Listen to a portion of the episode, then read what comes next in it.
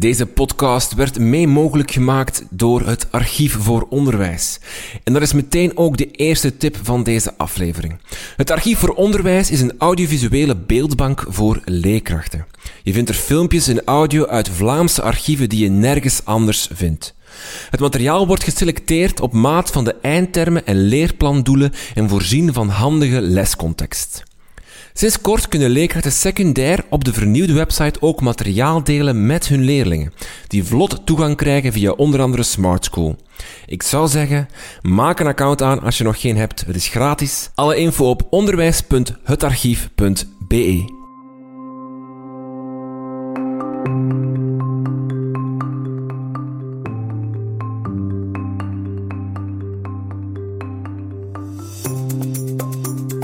Hallo en welkom bij Rijtlijden. Mijn naam is Rinke van Hoek en dit is uw podcast over onderwijs.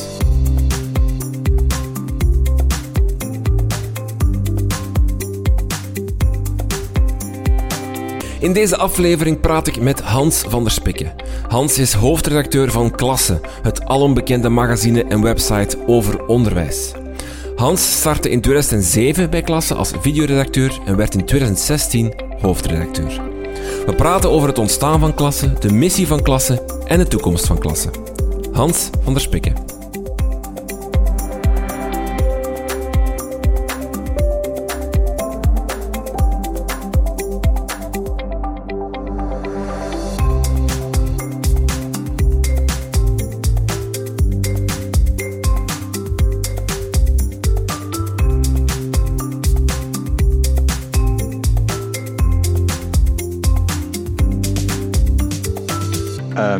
Daar zelf beland ben. Ik ben, uh, ik ben een uh, pedagoog van opleiding. Ik ben onderwijskundige en ik ben. Um, ik heb, na, na, ik heb even aan de leraaropleiding gewerkt en aan de gewerkt. En dan uh, heb ik journalistiek bijgestudeerd. Dus dan heb ik ook even voor televisie gewerkt in productiehuizen. En dan miste ik onderwijs toch wel hard. En dan ben ik als videojournalist bij klassen begonnen. Dus ik heb daar de, de tv-klasse opgestart. Uh, dus de videopoot binnen klasse heb ik daar opgestart. En uh, uh, na x aantal jaar um, ben ik daar dan ook hoofdredacteur geworden toen het de vorige wegging. Dan een tijdje ad interim gedaan samen met een collega. En dan, als het dan bevalt, dan heb ik meegesolliciteerd. Zo ben ik dan als, als, als hoofdredacteur bij klasse terechtgekomen. Oké, we duiken vandaag een beetje in de interne keuken van, van klasse. Um, ik denk dat uh, maar misschien heb jij er meer uh, cijfers van, maar ik denk dat heel veel leerkrachten die nu luisteren klassen waarschijnlijk wel gaan kennen, al was het maar uh, van het magazine dat ze vier keer per jaar krijgen, als ik juist ben, of um, de website die een tal van artikels heeft rond onderwijs, um, tips en dergelijke. Um, hoe, hoe wijd verspreid is klassen? Als ik aan tien leerkrachten vraag, hoeveel gaan er klassen kennen en hoeveel niet? Of kom je op tien Alle op tien? Oké. Okay. Ja, het laatste gebruikersonderzoek dat we gedaan hebben in 2018, um, dat bevestigde dat 100% van de doelgroep uh, klassen kent. Dus ik denk dat iedereen in onderwijs wel uh, in contact is gekomen met klassen via op een of andere manier. Zij het dan via een artikel. Zelfs in de lerarenopleiding worden, worden artikels van ons ook regelmatig gebruikt. Studenten gebruiken klassen ook. Uh, en elke leraar, of, of, of, of het is online, via de nieuwsbrieven of, of, of, of Facebook of ofwel is het via het magazine. Um, inderdaad, nog vier magazines per jaar. Vroeger waren dat er tien. En ondertussen zijn dat er uh, vier keer per jaar. En die liggen nog uh, elke drie maanden komen die in de lerarenkamers terecht. Dus daar komen leraren er ook mee in contact. En qua bereik, ja, dat is, dat is, dat is, uh, dat is ook zeer groot als, als heel de doelgroep u kent. Uh, op jaarbasis vertaalt zich dat naar anderhalf miljoen uh, unieke bezoekers per jaar. Dat zijn er zo een, een, een 7500 per dag. Uh, op de site is dat dan. Ik denk dat er uh, naar nieuwsbrieven toe zitten we aan meer dan 100.000 abonnees op nieuwsbrieven. Dus ja, we hebben, we hebben, we hebben echt wel een groot bereik. Ja. Misschien eerst even kort klassen. Um, historisch misschien zelfs een beetje van, waar, van waaruit is dat ontstaan en van waaruit komt dat? dat is, um, het is de Vlaamse overheid eigenlijk hè, die klassen financiert ja. en, en um, opgericht heeft, als ik dat juist ben. Ja. Ja, we zijn uh, klassisch overheidscommunicatie is ontstaan in um, 1989, dus hetzelfde jaar als VTM, uh, onder, uh, onder Monar. dat, is, dat was toen, Georges Monar was toen secretaris-generaal.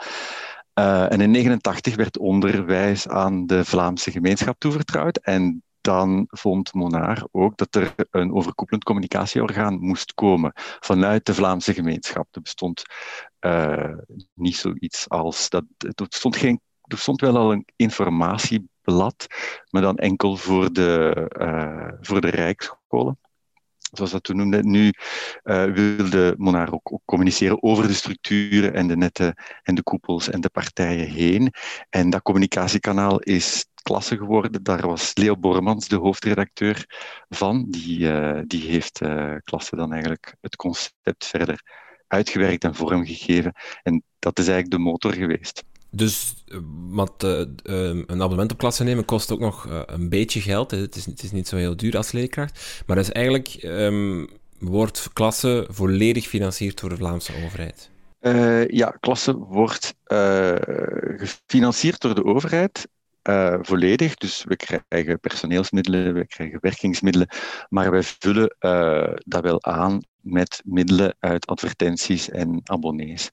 Um, dus abonnementsgeld hebben we eigenlijk nodig voor de druk en verzending van zo'n magazine te betalen. Wij, wij hebben geld om elke school nog één exemplaar te geven, maar uh, ja, in 2014 uh, hebben we uh, een heel deel van onze werkingsmiddelen is, is daar sterk op bespaard. En dan wilden wij nog altijd ook wel blijven drukken, maar die druk en verzending, dat kost uiteraard veel geld. En daar is dan 10 euro per jaar uh, per abonnee uh, om het dan nog thuis te krijgen. Maar het ligt ook gratis in elke lerarenkamer. Ja, dus opgericht door de overheid, eh, financiering door de overheid. Dan stelt zich ook een beetje de vraag, um, in hoeverre zijn jullie... Um, jullie zijn overheidscommunicatie, jullie zijn opgericht als een soort van communicatiekanaal vanuit de overheid naar de onderwijsverstrekker, naar de, onderwij naar de onderwijzer.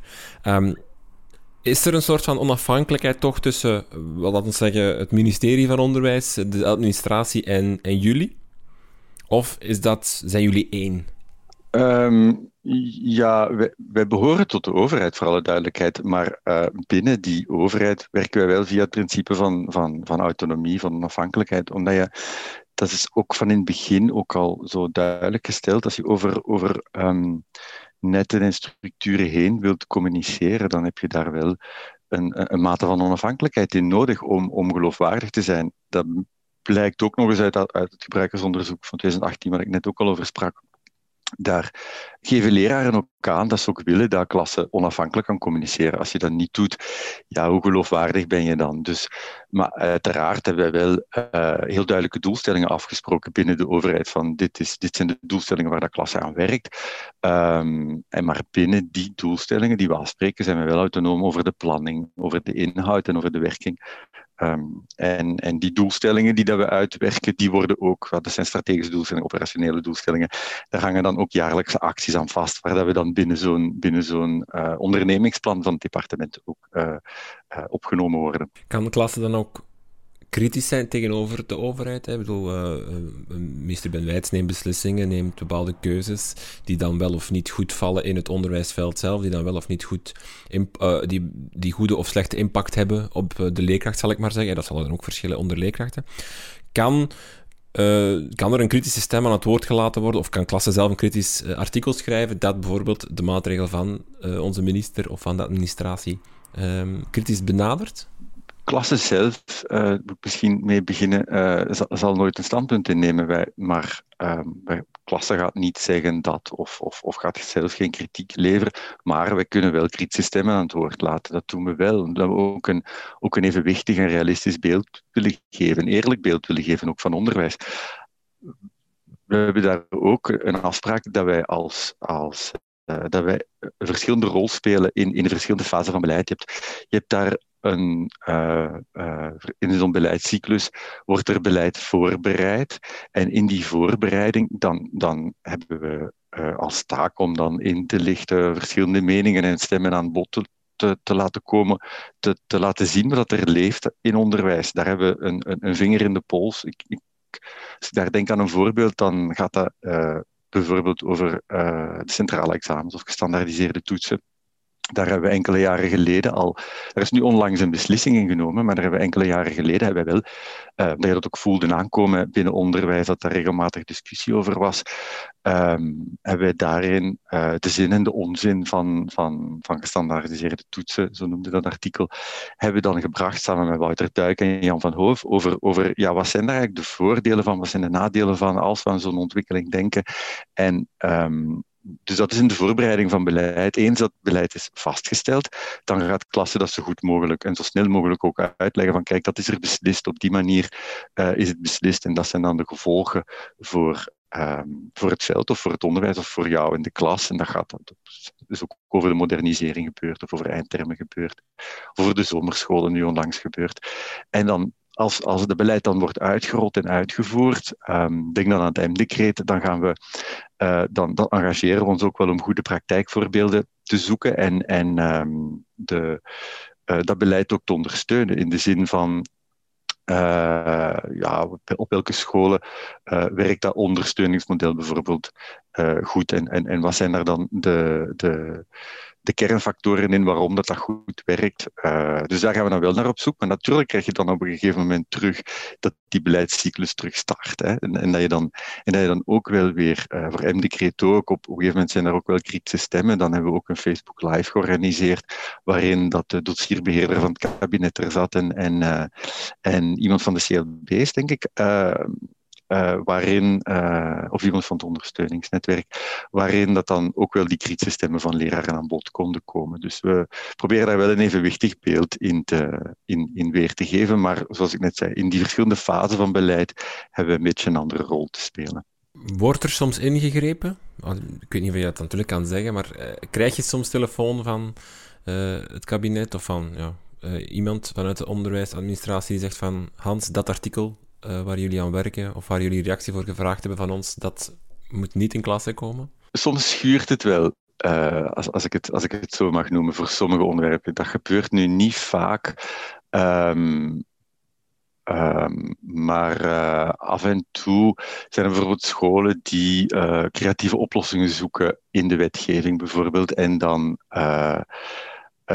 dan zijn, het is dan niet, dan laten we dat intern wel checken, want we zitten binnen een heel rijke administratie met allemaal experten, dus daarin, laten we, daar, daarin worden wel artikels gecheckt op hun juistheid, zodat we ook zeker weten dat wat we vertellen ook correct is. Um, en, en, en soms schuurt het dan wel een beetje, uh, maar dan gaan we daarover in dialoog. Het is niet dat er dan uh, uh, op die autonomie of zo wordt ingegrepen. We gaan daar wel over in dialoog van, kijk, wat, wat is onze rol hier? Wat, wat moeten we hier nu doen? Ik herinner mij ook nog een voorbeeld tijdens de, uh, tijdens de lockdown, bijvoorbeeld. Um, dat is dan iets concreter over. Uh, toen we in lockdown zaten, was er eigenlijk al sprake over hoe moet onderwijs er na de lockdown gaan uitzien. En dan merk je wel dat, die discussie, die wordt dan ook in de kranten gevoerd. Um, uh, over, over hoe gaat dat onderwijs vorm krijgen? Wordt dat een blended vorm? Wordt dat, gaat de nadruk liggen op individuele begeleiding op school? Wordt dat alternerend? Moet iedereen meteen terug naar school? In welke manier gaat dat dan? En je voelt dat er dan al voorkeuren zijn bij bepaalde partijen, of dat nu vakbond is of, of, of dat is kabinet, of, dat, dan, of, of er zijn andere partijen, dan voel je wel dat daar, dat daar al een, een, is. Maar voor ons is het dan ook wel de taak om te zeggen van kijk, nee, alle pistes liggen nog open. Er is nog geen, er is nog geen beslissingen genomen. En dan hebben we ook een overzichtstuk gemaakt met, um, met Charlotte Arnoux van de leraaropleiding in Leuven toen. Over dit zijn alle mogelijkheden die dat er, die dat er zijn en waaruit zal, waar het beleid wel zal moeten kiezen ook. Maar dat is, dat is, dat is eigenlijk de manier waarop dat, dat, dat, dat we dat doen. En af en toe uh, voelt je dan wel de druk om naar een of andere uh, richting te gaan. Um, maar dan gaan we daarover in dialoog. Maar meestal komen we daar ook gewoon uh, uit, omdat we ook duidelijk maken welk onze, welke dat onze rol dan is om, om, om te spelen. En in deze was het dan om, om dat volledig uh, perspectief even te geven en niet al een of andere piste naar voren te schuiven. Want op zich zitten jullie op een, op een soort van moeilijke, moeilijk kruispunt. Hè? Um, je hebt uh, enerzijds inderdaad de onderwijsadministratie, Ben Wijts, kabinet. Die jullie financieren, zal ik maar zeggen, de Vlaamse overheid. Anderzijds heb je machtige koepels hè, die, die ook uh, aanwezig zijn, die ook een rol willen spelen. Dan heb je de, de scholen, de onderwijzers, die ook dingen doen en, en, en mening hebben. jullie zitten daar zo een beetje in het midden tussen en proberen uh, een, beeld te scheppen. Hè. Je hebt daar juist al verteld van, van die verschillende fases. Um, wat me nu bij, me opkomt is, wordt, we zitten op dit moment um, met de eindtermen-discussie, waarin we een overheid hebben die een eind, eindterm hebben goedgekeurd. Tegelijkertijd heb je een katholieke koepel die daarmee niet akkoord gaat en naar de uh, grondwettelijk hof zal stappen. Hoe gaan jullie bijvoorbeeld met dit thema dan om? Is het, is het dan eh, want je zit dan wel met een beslissing. De beleidsfase is voor, de beleidsvoorbereiding is voorbij, het is beslist. Maar kan het dan nog dat er een artikel gepubliceerd wordt of, of een opinie gepubliceerd wordt van iemand van onderwijs die uitlegt waarom ze niet akkoord zijn? Of, of Um, hoe, hoe, hoe, bepaal je dan de koers van klasse in zoiets? Om, om dan uh, daar zo'n opinie over te, te, te, publiceren, dat behoort niet echt onze opdracht. Als wij kijken naar onze opdracht, wat is onze missie, wat zijn onze doelstellingen, dan gaat dat vooral naar die onderwijsprofessional te ondersteunen in zijn job op de, op de werkvloer. Om, om daar duidelijk te maken van, ja, we willen nu versterken, we willen nu doen groeien in uw job op de klasvloer of een directeur in zijn, in zijn, of versterken in zijn schoolbeleid. We willen ook heel dat veld stuk verbinden met elkaar. Um, we, willen hen, we willen hen wel informeren over het beleid. Dus dat doen, dat doen we dan ook wel over de, over de eindtermen.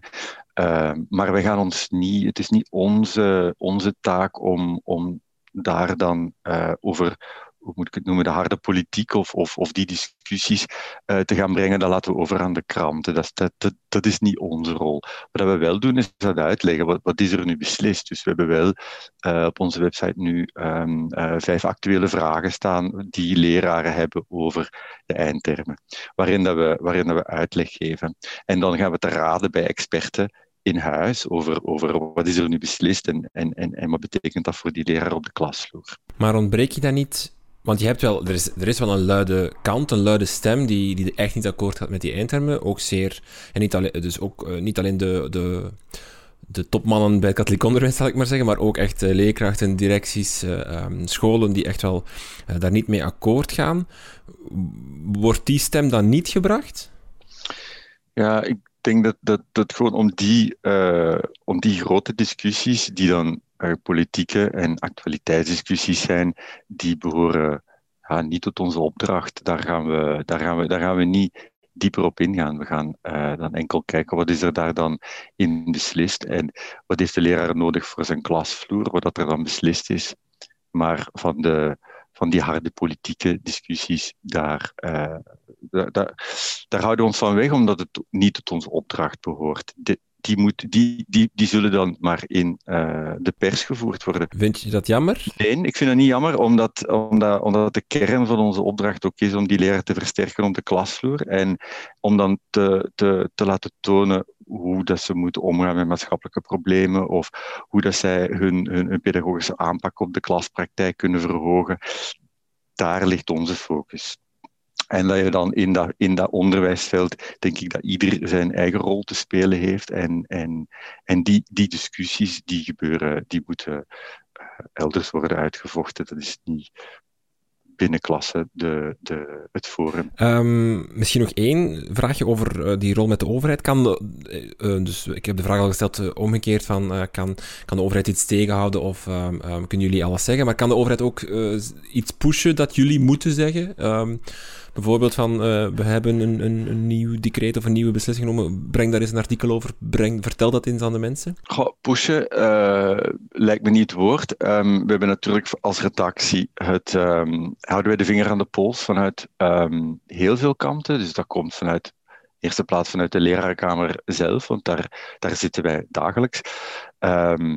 Of uh, dat komt via lerarenopleidingen, maar ook via universiteiten, via organisaties van het middenveld, um, um, van armoedenetwerk, maar, maar we volgen natuurlijk ook de actualiteit. Maar elke redacteur heeft ook een aantal beleidsthema's die hij opvolgt vanuit de beleidsnota. En daarbinnen hebben we ook wel contacten, uiteraard in huis, bij alle, over alle beleidsdossiers. Dus die onderwerpen komen ook de redactie binnen. Um, en en uh, we hebben daar ook afgesproken dat wij binnen die doelstellingen uh, werken wij wel autonoom, maar ehm, ja, de beleidsdoelstellingen, daarvoor werken wij ook beleidsgeoriënteerd en hebben we ons geëngageerd om ook te communiceren over alle relevante thema's die in de beleidsnota staan. Dat, is, lijkt me logisch ook. En je ziet ook dat dat heel vaak overeenkomt. Onze, onze vertrekpositie is altijd waar heeft die leraar op de werkvloer nood aan. Maar ja, als er goed beleid wordt gevoerd, dan komt dat ook um, ehm, 99% overeen, die beleidsdoelstellingen, met wat wij willen vertellen, of waar dat die leraar mee zit, of waar dat die in wordt versterkt. Dus of dat nu gaat over duaal leren of over KLIL of over ondernemingszin of over financiële geletterdheid. Um, het zijn allemaal thema's die, dat, die, die of digitalisering of, of de modernisering, zijn allemaal, allemaal thema's waar, waar dat leraren wel van wakker liggen, dus waar dat die ook een behoefte aan hebben over hoe doen andere scholen of hoe gaan andere scholen daarmee om, uh, hoe, hoe, geven zij dat vorm in de klaspraktijk zelf? En daar gaan we dan op zoek naar, naar naar, ja, heel vaak naar, naar uh, ofwel naar experten, maar ook naar tips of naar uh, goede praktijkvoorbeelden.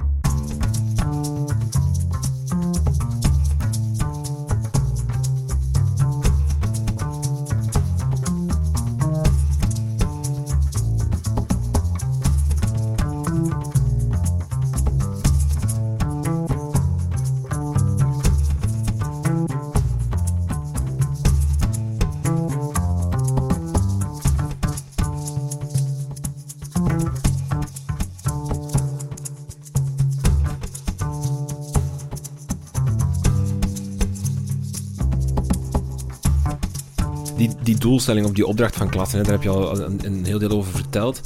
Als ik, als ik daar naar luister, ben ik dan juist dat ik zeg dat die doelstelling op die opdracht zich voornamelijk bevindt op het soort van microniveau van, van het onderwijslandschap, namelijk de leerkracht in die klas en hoe kunnen we die helpen om beter les te geven? Of die directeur van die school, hoe kunnen we die helpen om beter school te maken? En heel dat stuk daarboven, dat macroniveau, die koepels, die werking, die, de, de, die uh, uh, machtslijnen en dergelijke, daar houden jullie zich een, meer van weg? Ja, ik denk dat wel. Ik denk, denk dat er, als, als je kijkt naar wat is onze missie, dan zitten wij vooral om dat kwaliteit van onderwijs uh, te verbeteren. En als je kijkt naar kwaliteit van onderwijs wordt gemaakt door kwaliteitsvolle leraren, dan is dit onze taak vooral daar. Of leraren en directeurs, eigenlijk die onderwijsprofessionals. We trekken dat ook wel open naar, naar ondersteuners in onderwijs ook. Maar we willen de kwaliteit van onderwijs verbeteren door aan die kwaliteit van, van onderwijsprofessionals te werken. En als je dan kijkt naar onze doelstellingen, dan hebben we daar vijf um, kernwoorden of vijf werkwoorden van gemaakt waar, dat wij, waar dat we aan werken. En dat is enerzijds informeren over, over wat er aan de hand is. Is dat versterken. Uh, willen zo'n onderwijsprofessional doen groeien uh, in, in hun job. Die ook verbinden over structuren heen. Want zij maken allemaal deel uit van dat onderwijsveld. Iedereen uh, heeft zijn eigen rol, maar ze zijn allemaal behoren allemaal tot die grote drijfkracht in de maatschappij. Dus we willen daar ook voor verbinding zorgen. En ook een activerend, uh, activerende rol in die zin dat we die onderwijsprofessional ook willen stimuleren. Niet alleen om, om via artikels en experten na te denken over hun eigen onderwijspraktijk, maar ook en vooral om dat aan te grijpen om hoe, hoe, hoe kan ik het nog beter doen? Of op welke manier kan ik het anders doen? En vind ik daar inspiratie bij collega's? Of kan ik daar leren van hoe de andere scholen het aanpakken? Of kan ik daar leren van, van wat dat onderzoek erover zegt of experten erover zeggen? En dat is een stuk uh, onze rol. Heb er nu al vier genoemd, maar er is nog één. En die is zeker niet onbelangrijk, allerminst. En dat gaat ook naar het waarderen. Wij willen ook die leraar in het veld en die directeur die daar elke dag staan en die elke dag met die praktijk in contact komen, we willen die ook uh, heel sterk waarderen voor het, voor, voor, voor, het werk dat ze doen. Want het zijn, zijn zij uh, die zo'n belangrijke rol hebben in, in onze samenleving, dat die ook moet gewaardeerd worden. We op verschillende momenten. We doen dat een paar keer heel expliciet op dag van de leraar of met de, of met de verkiezing van leraar van het jaar. Maar uh, we doen dat ook in heel veel artikels. Als ik dan uh, een artikel van, van externe uh, die op onderwijs reflecteren, bijvoorbeeld Bjorn Soenens of zo, die, die, die dan ook, of Dirk de Wachter, die dan ook laten zien vanuit, vanuit buiten het onderwijs hoe belangrijk dat die rol en taak van, van, van, van onderwijsmensen zijn. Dus dat zijn, dat, dat als ik dan naar de rol, missie van ons werk kijk, dan, dan zit het in die vijf woorden. Hoe, als je misschien zelf even een, een reflectie, welk van die vijf lukt jullie het minst goed om, om op dit moment met klassen te verwezenlijken of, of, of te volbrengen als, als opdracht? Het minst goed. Uh, Dat is moeilijk. Dat is het interessantste, hè? Ik weet dat niet of dat, het interessantste is. Ik, uh, ik, ik zou eerder zeggen dat het interessantste is om te kijken waar, waar, uh, waar slagen jullie in. Um, ik, ik weet wel wat het moeilijkste is. Het moeilijkste is uh, activeren om iets te veranderen. Als je kijkt naar, naar, naar de piramide op, op hoe dat verandering teweeg wordt gebracht als je, als je het communicatiemodel, er is zo'n 7E-model binnen communicatie en als je dat herleidt, uh, dan spreken wij over uh, identity, reflection, responsibility. Dus wat wij in heel veel van onze stukken en artikels proberen te doen, maar dat je ook uh, kunt herkennen als je die gaat lezen of analyseren.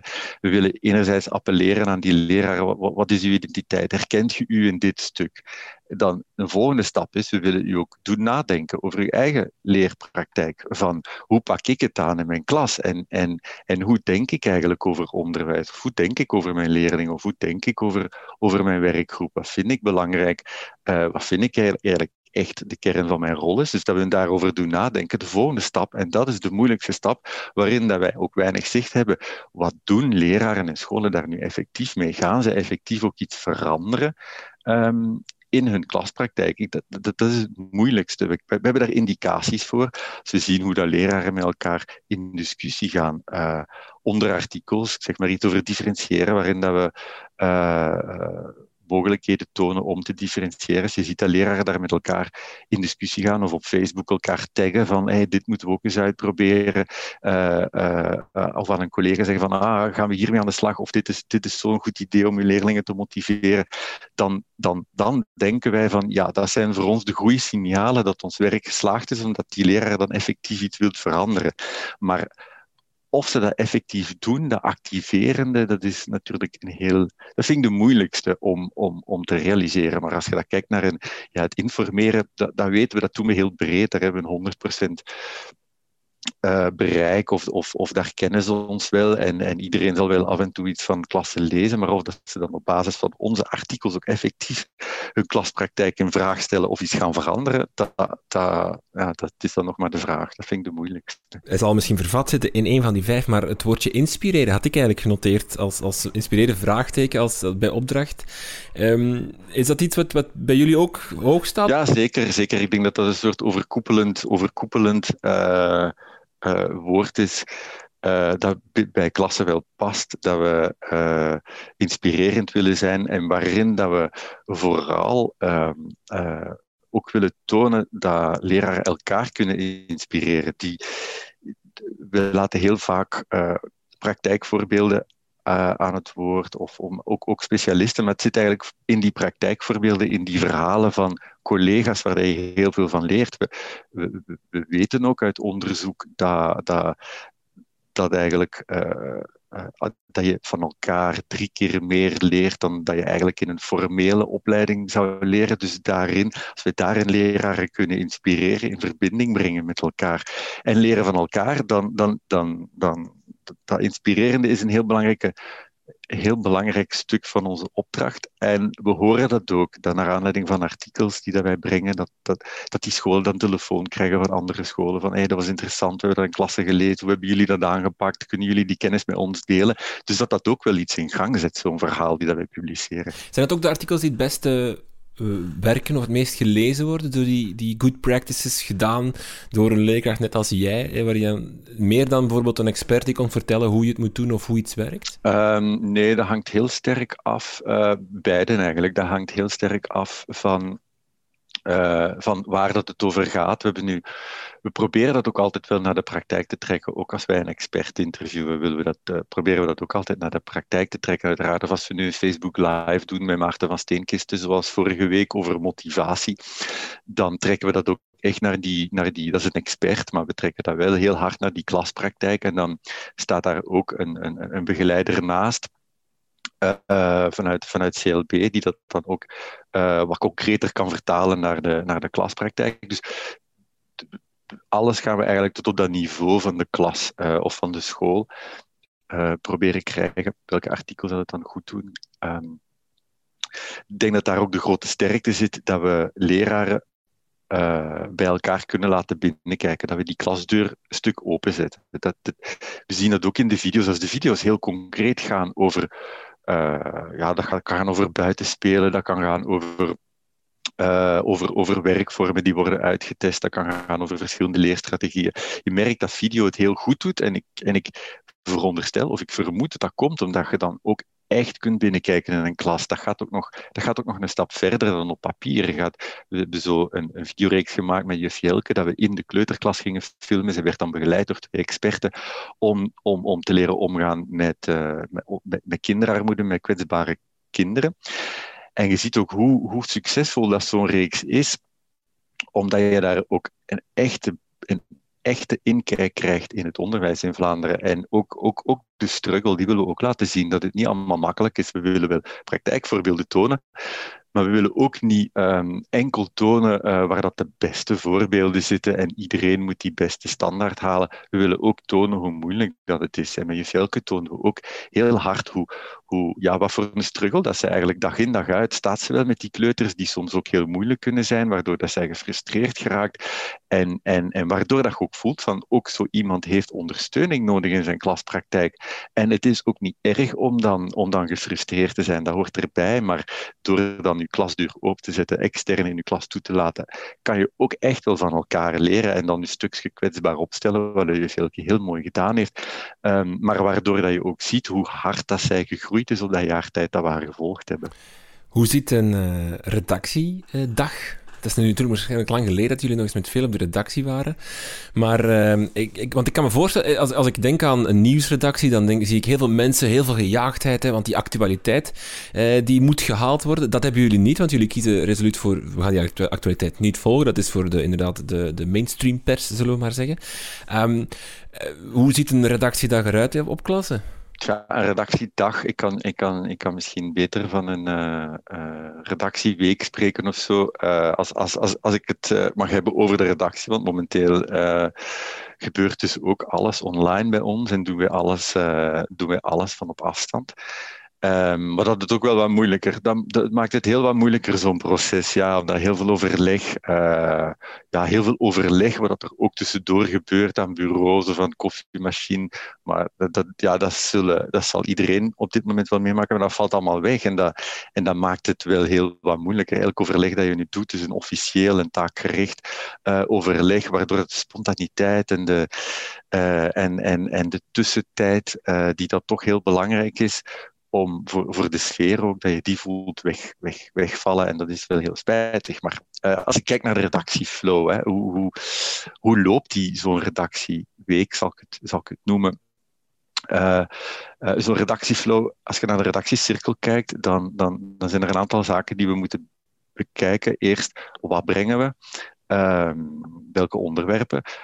Dan kijken we ook naar het waarom. Uh, waar sluiten dan op de behoeften? Waarom zou een leraar dit lezen of een directeur? Voor wie maken we dat? Maken we dat voor een leraar, voor een directeur, voor een zorgleraar? Hoe brengen we het? Doen we het in een interview, in een tipstuk, uh, een good practice? Uh, maken we een video? Waar zetten we het dan? Zetten we het dan op de site? Zetten we het in het magazine? Zetten we het op Facebook? Um, en dan hebben we ook nog een monitoring, waar er ook nog cijfers worden verzameld en waarin dat we de zaken analyseren, waardoor dat we ook weer leren voor de volgende keer. Dat is een beetje de redactieflow. Als je dan kijkt naar de selectie, dan, dan gebeurt er tegen... Ja, dat is een beetje veranderd nu. Um, in, uh, in coronatijd hebben we een beetje de redactieprocessen aangepast, maar ik zal, ik zal proberen een week te schetsen zoals dat het normaal op de redactie is.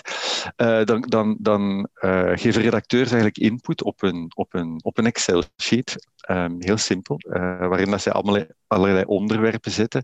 En die onderwerpen die komen binnen, ja, wat ik daar straks ook al zei, ja, van overal een beetje, van lerarenopleidingen, van universiteiten, van, van, van contactpersonen, van, van, van, van de lerarenkamer zelf, uh, maar ook van het beleid, van, van uh, dus al die, van, van, van allerhande organisaties, uh, zo, als, als, als die willen communiceren, dan uh, sturen die ook een mail. Allerhande persberichten gaan ook heel vaak over onderwijs. Dus dan hebben we een hele lange lijst met onderwerpen. Um, en dan de volgende stap is dan, dus dat is dan tegen, tegen donderdag, vrijdag. De volgende stap is dan dat we, dat we in het begin van de week wel bekijken uh, met eindredacteurs van uh, welke onderwerpen staan er nu op en, en uh, welke geven nu prioriteit.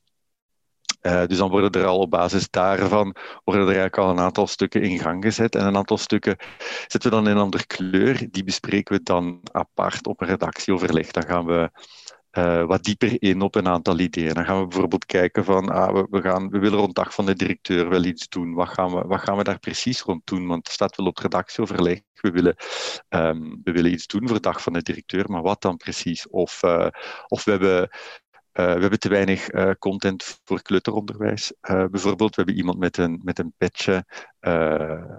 over, over, over kleuteronderwijs, dat we dan specifiek op redactieoverleg met een aantal redacteurs gaan nadenken of gaan brainstormen. Wat zou dat kunnen zijn? Wat, wat, wat hebben we al gemaakt en waar, waar, waar hebben we nog nood aan of waar hebben leraren nog nood aan? Dus dat gebeurt dan op het redactieoverleg. Dan gebeurt daar een selectie uit, dan kiezen we daaruit en die keuze uh, misschien moet ik nog zeggen, als, als redacteurs eigenlijk hun keuze al uh, op het dat redactieoverleg, op de, op Excel-sheet, hun, hun, hun onderwerp zetten, dan denken zij ook al na over um, sluit, waar sluit dat aan bij de missie van klasse? Uh, waarom zou een leraar dit lezen? In welk format zou ik dat het best brengen?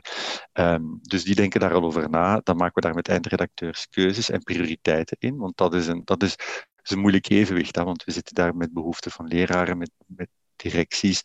We hebben tijdloze stukken, we hebben ook actualiteitsgebonden stukken. In corona zijn die er iets sneller nog, rond, rond afstandsleren, rond motivatie, rond welzijn. Um, dan maken we ook een onderscheid tussen klas- en schoolniveau, uh, of tussen, ook tussen leraar- en leerlingniveau. Uh, ook onder beleidsniveau of werkveld uh, maken we ook een onderscheid tussen experts en, en, en praktijk en verhalen. Uh, ook de mix van onderwijsvormen moeten wij in doog houden. Zit er genoeg in voor ASO, BSO, TSO bijvoorbeeld, of CASO, ook basis, lager, volwassenenonderwijs. Welke formats hebben we al? We hebben al een Facebook Live, we hebben een verhaal, tipstuk, interview. Daar moet ook een juiste verhouding in zitten. Dus al die zaken moeten eigenlijk in balans zitten. En dat doen we. Dat is geen exacte wetenschap zijn keuzes die dat we dan maken samen met de eindredacteurs. Uh, dat doen we wekelijks. Eh, in een gewone redactieweek deden we dat één keer per week. Nu in corona doen we zo'n eindredactieoverleg twee keer per week, omdat we gemerkt hebben dat we in coronatijd veel meer actualiteitsgebonden stukken maken. En natuurlijk, ja, gemerkt dat, dat, er, dat er op korte tijd, nu is het wel wat gekalmeerd, maar uh, dat er voortdurend wel zaken veranderden binnen onderwijs over afstandsleren, over, over het dragen van mondmasker, waardoor dat wij daar ook voortdurend op moesten inspelen. En vanaf dan zijn wij begonnen met twee keer per week zo'n eindredactieoverleg doen om, om wat sneller, om wat beter te kunnen inspelen op die actualiteit. Normaal gezien deden we dat één keer per week.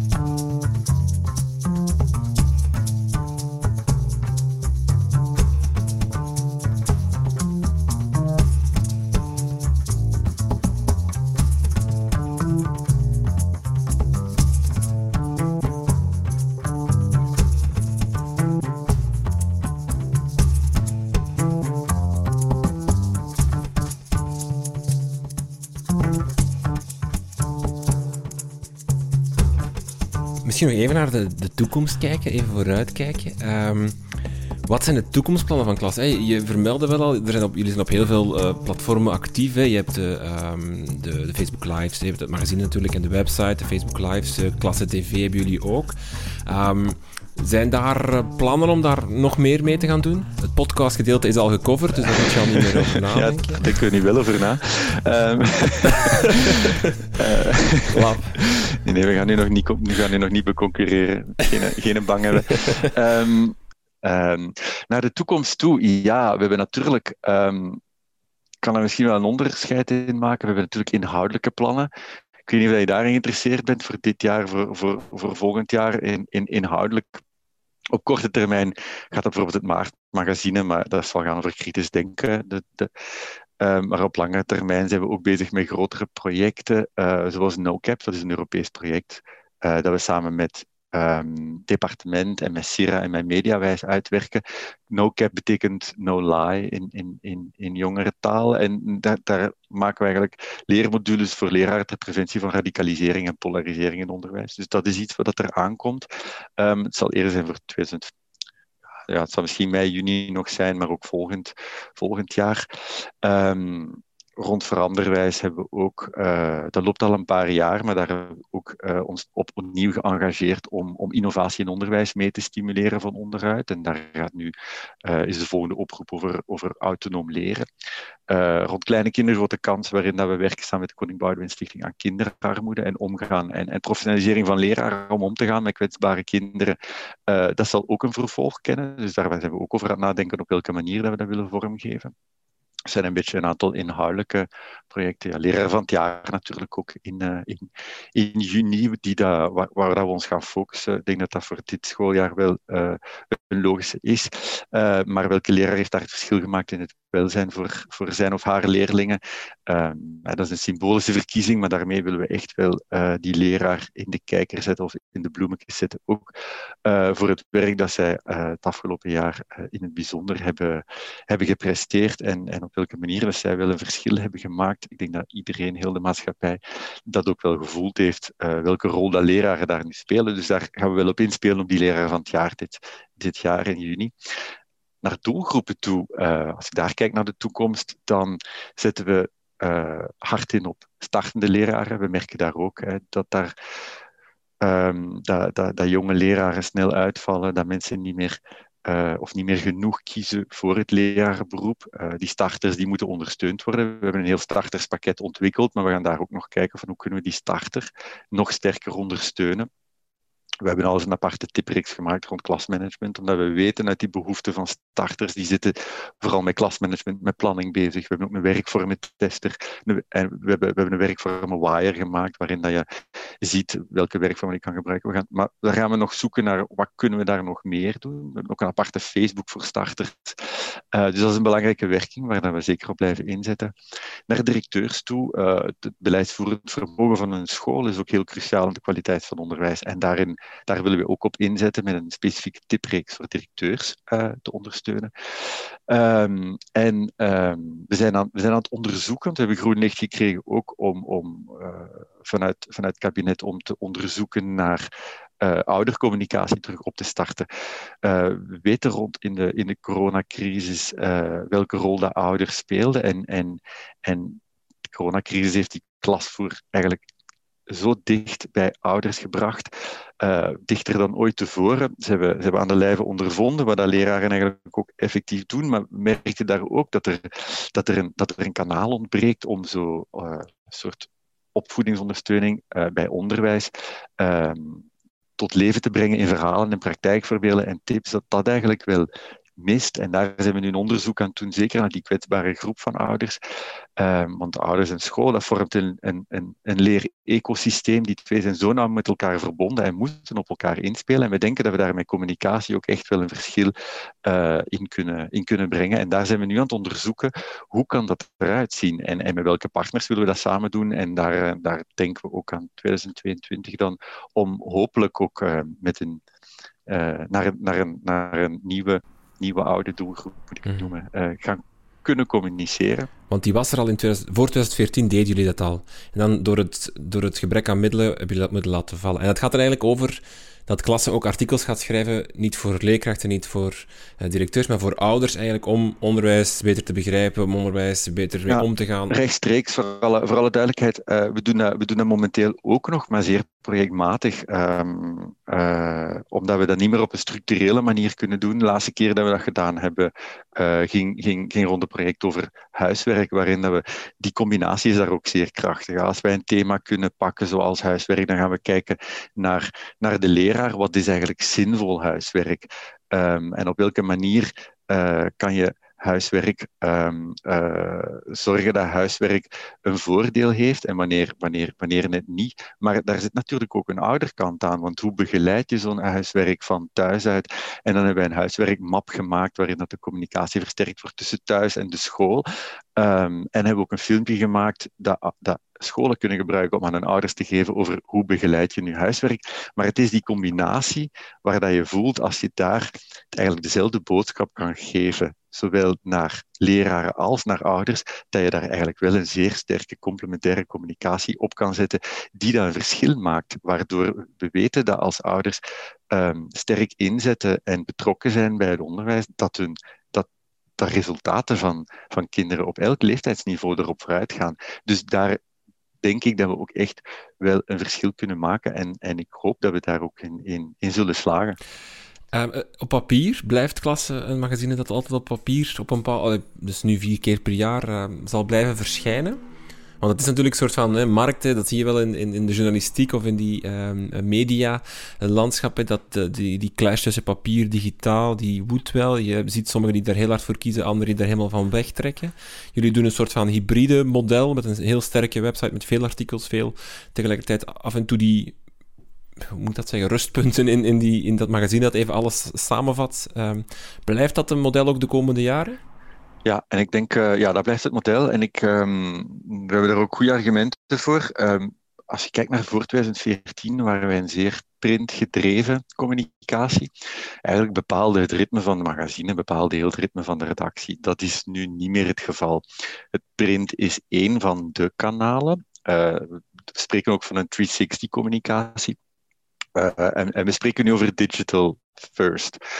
Maar dat wil niet zeggen digital only, want daar geloven we ook niet in. We zijn er echt van overtuigd dat dat magazine ook een meerwaarde biedt. Het heeft natuurlijk voor ons ook een iconische waarde. Hè. Het maakt u zichtbaar, maar zo, um, als ik kijk naar, naar andere communicatieorganen, kijk naar Newsweek bijvoorbeeld, die zijn op een gegeven moment helemaal digitaal gegaan. Um, op een gegeven moment zijn die ook wel teruggekomen met de magazine, omdat ze, het papier heeft een heel grote, heel grote kracht. En denk uit, een, uit de digimeter zie je ook 7 op de 10 Vlamingen leest um, één keer per maand een papieren magazine.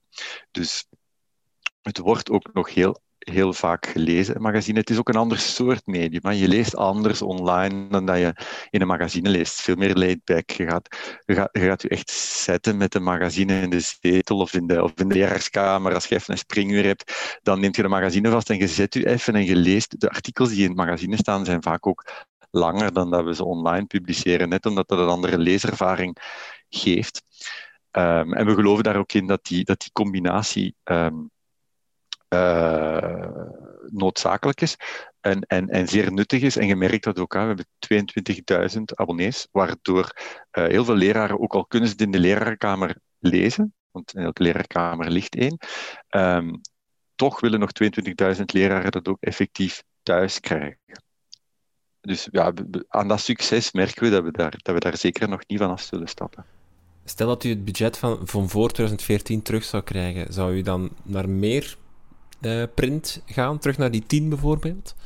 Of is die 4 echt wel een getal dat, dat, dat, dat wel werkt? Uh, nee, dat werkt wel. Ik uh, denk die drie maandelijks ritme, dat zorgt er ook voor dat je... Ja, ik ben ervan overtuigd dat niche-magazines wel werken. En um, de manier waarop dat we nu om de drie maanden magazine werken, dat is ook een zeer kwaliteitsmagazine. is op, op, op, uh, op kwaliteitspapier. Dat is ook echt een magazine gemaakt om bij te houden. Er zit een hele sterke visuele stijl in. Allee, de klassenstijl, de klassenbranding zit daar heel hard in. Uh, om de drie maanden kan je dat ook iets dikker maken en, en dat iets deftiger maken. Um, dus nee, ik geloof daar, ook, ik geloof daar wel in um, uh, om dat drie maandelijks te behouden. Ik weet niet of dat ik het geld dat we zouden krijgen, of dat ik dat zou inzetten om dan terug tien keer een, uh, een magazine te maken. Maar, uh, Waarvoor zou je het dan wel inzetten, als je het terug zou krijgen? Uh, dat is een goede vraag. Uh, het is een zeer hypothetische vraag. ja, ja, dat is een hypothetische vraag. Ja, of dat dat geld er ooit zou komen. Ik zou het graag zien komen. Ik denk dat we daar dan heel goed over moeten nadenken. Op welke manier dat we dat gaan uh, besteden. Ik denk, momenteel denk ik dat het, als, we, als we extra middelen krijgen, dat er een aantal andere kanalen ook zijn. Want elk kanaal dat we, dat we uitwerken vraagt, uh, vraagt mensen en middelen. In de eerste plaats, uh, als we nu kijken naar, naar, naar die nieuwe doelgroepen, zoals, uh, zoals ouders, dan dan denk ik dat daar ook een heel grote nood ligt. En dat we dan echt moeten kijken naar waar liggen de noden, uh, om dan te kijken welke kanalen gaan we daar inzetten. Dus dat is een analyse die dat we dan moeten maken. Maar ik denk, uh, wat we nu doen voor ouders, daar geloof ik heel sterk in dat we, dat we uh, ja, daar zal toch ook extra middelen voor, voor, voor moeten komen, dat we die daar zeer efficiënt en nuttig zullen kunnen besteden. Oké, okay. Hans van der Spikken, heel veel dank voor dit gesprek. Graag gedaan.